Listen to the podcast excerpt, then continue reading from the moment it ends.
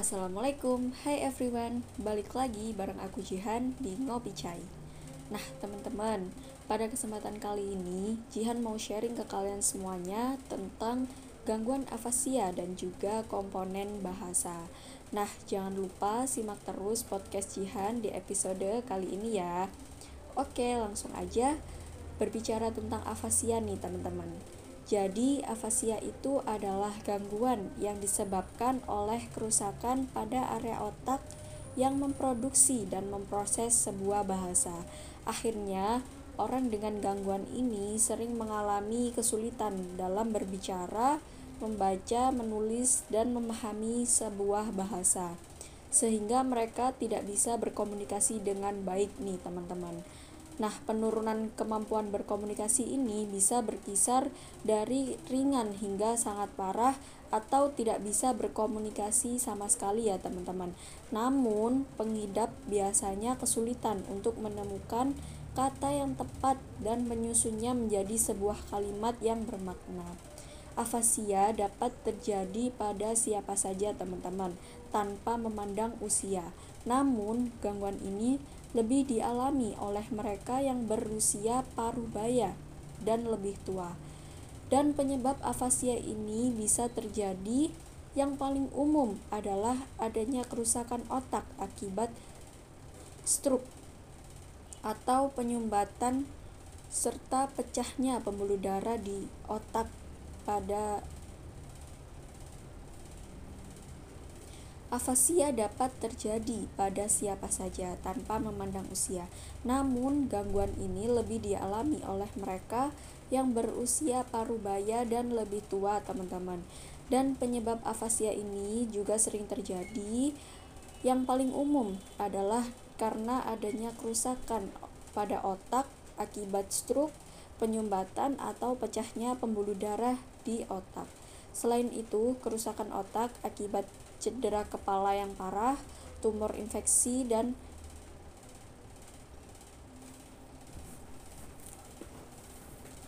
Afasia dapat terjadi pada siapa saja, teman-teman, tanpa memandang usia. Namun, gangguan ini lebih dialami oleh mereka yang berusia parubaya dan lebih tua. Namun, penyebab afasia ini juga sering terjadi yang paling umum karena adanya kerusakan otak akibat stroke, penyumbatan atau pecahnya pembuluh darah. Selain itu juga terjadi akibat cedera kepala yang parah, tumor, infeksi atau proses degeneratif juga bisa menyebabkan afasia, teman-teman. Orang yang mengalami gangguan afasia ini juga memiliki pola kekuatan dan kelemahan yang berbeda-beda. Nah, kekuatan dan kelemahan ini digolongkan dari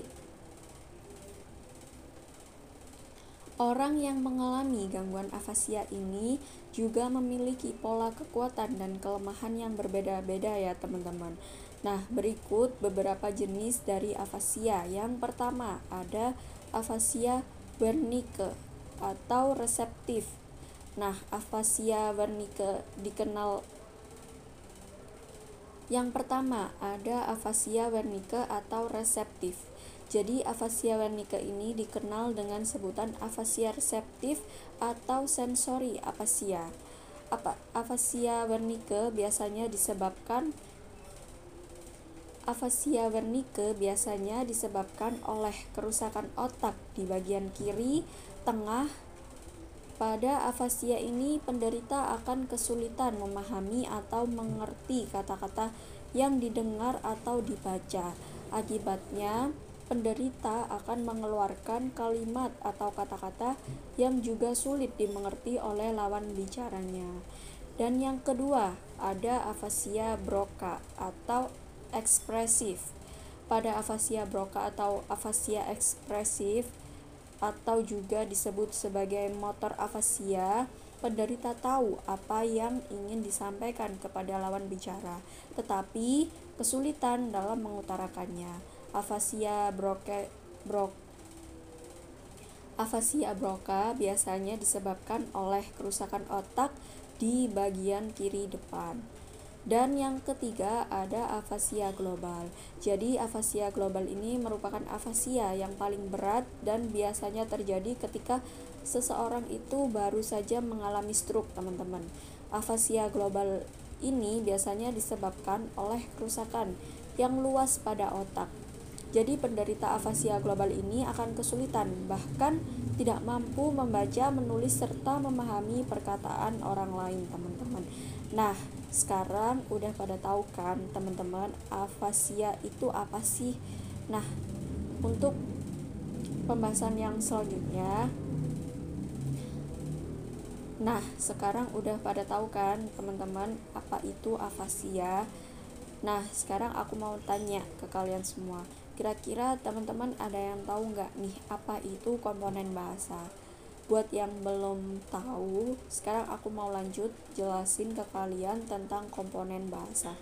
Nah, jadi bahasa merupakan komunikasi informasi melalui simbol-simbol yang disusun menurut aturan sistematis tidak hanya sebagai pusat komunikasi bagi manusia, bahasa juga berkaitan erat dengan cara manusia berpikir dan memahami dunia. Hubungan antara bahasa dan kognisi bisa menjadi kompleks karena kedua hal tersebut dapat saling mempengaruhi. Pada satu sisi, bahasa adalah alat bagi manusia untuk mengekspresikan. Pada satu sisi, Bahasa adalah alat bagi manusia untuk mengekspresikan pikiran dan gagasannya, sedangkan di sisi lain, cara kita membentuk kalimat dan menggunakan bahasa dapat didasarkan pada cara kita berpikir, sebagaimana dalam sebuah bahasa terdapat ketentuan yang berfungsi mengatur susunan penggunaan bahasa tersebut yang disebut dengan tata bahasa atau grammar. Nah, adapun bahasa ini terdiri dari empat bagian komponen utama ya, teman-teman. Yang pertama ada fenologi. Jadi, fenologi ini merupakan yang pertama ada fenologi. Jadi, fenologi ini merupakan sistem bunyi dari bahasa tertentu. Kemudian yang kedua ada semantik. Nah, semantik ini teman-teman adalah bagian dari bahasa yang berkaitan dengan makna kata dan bagian kata-kata. Yang ketiga, ada sintatis.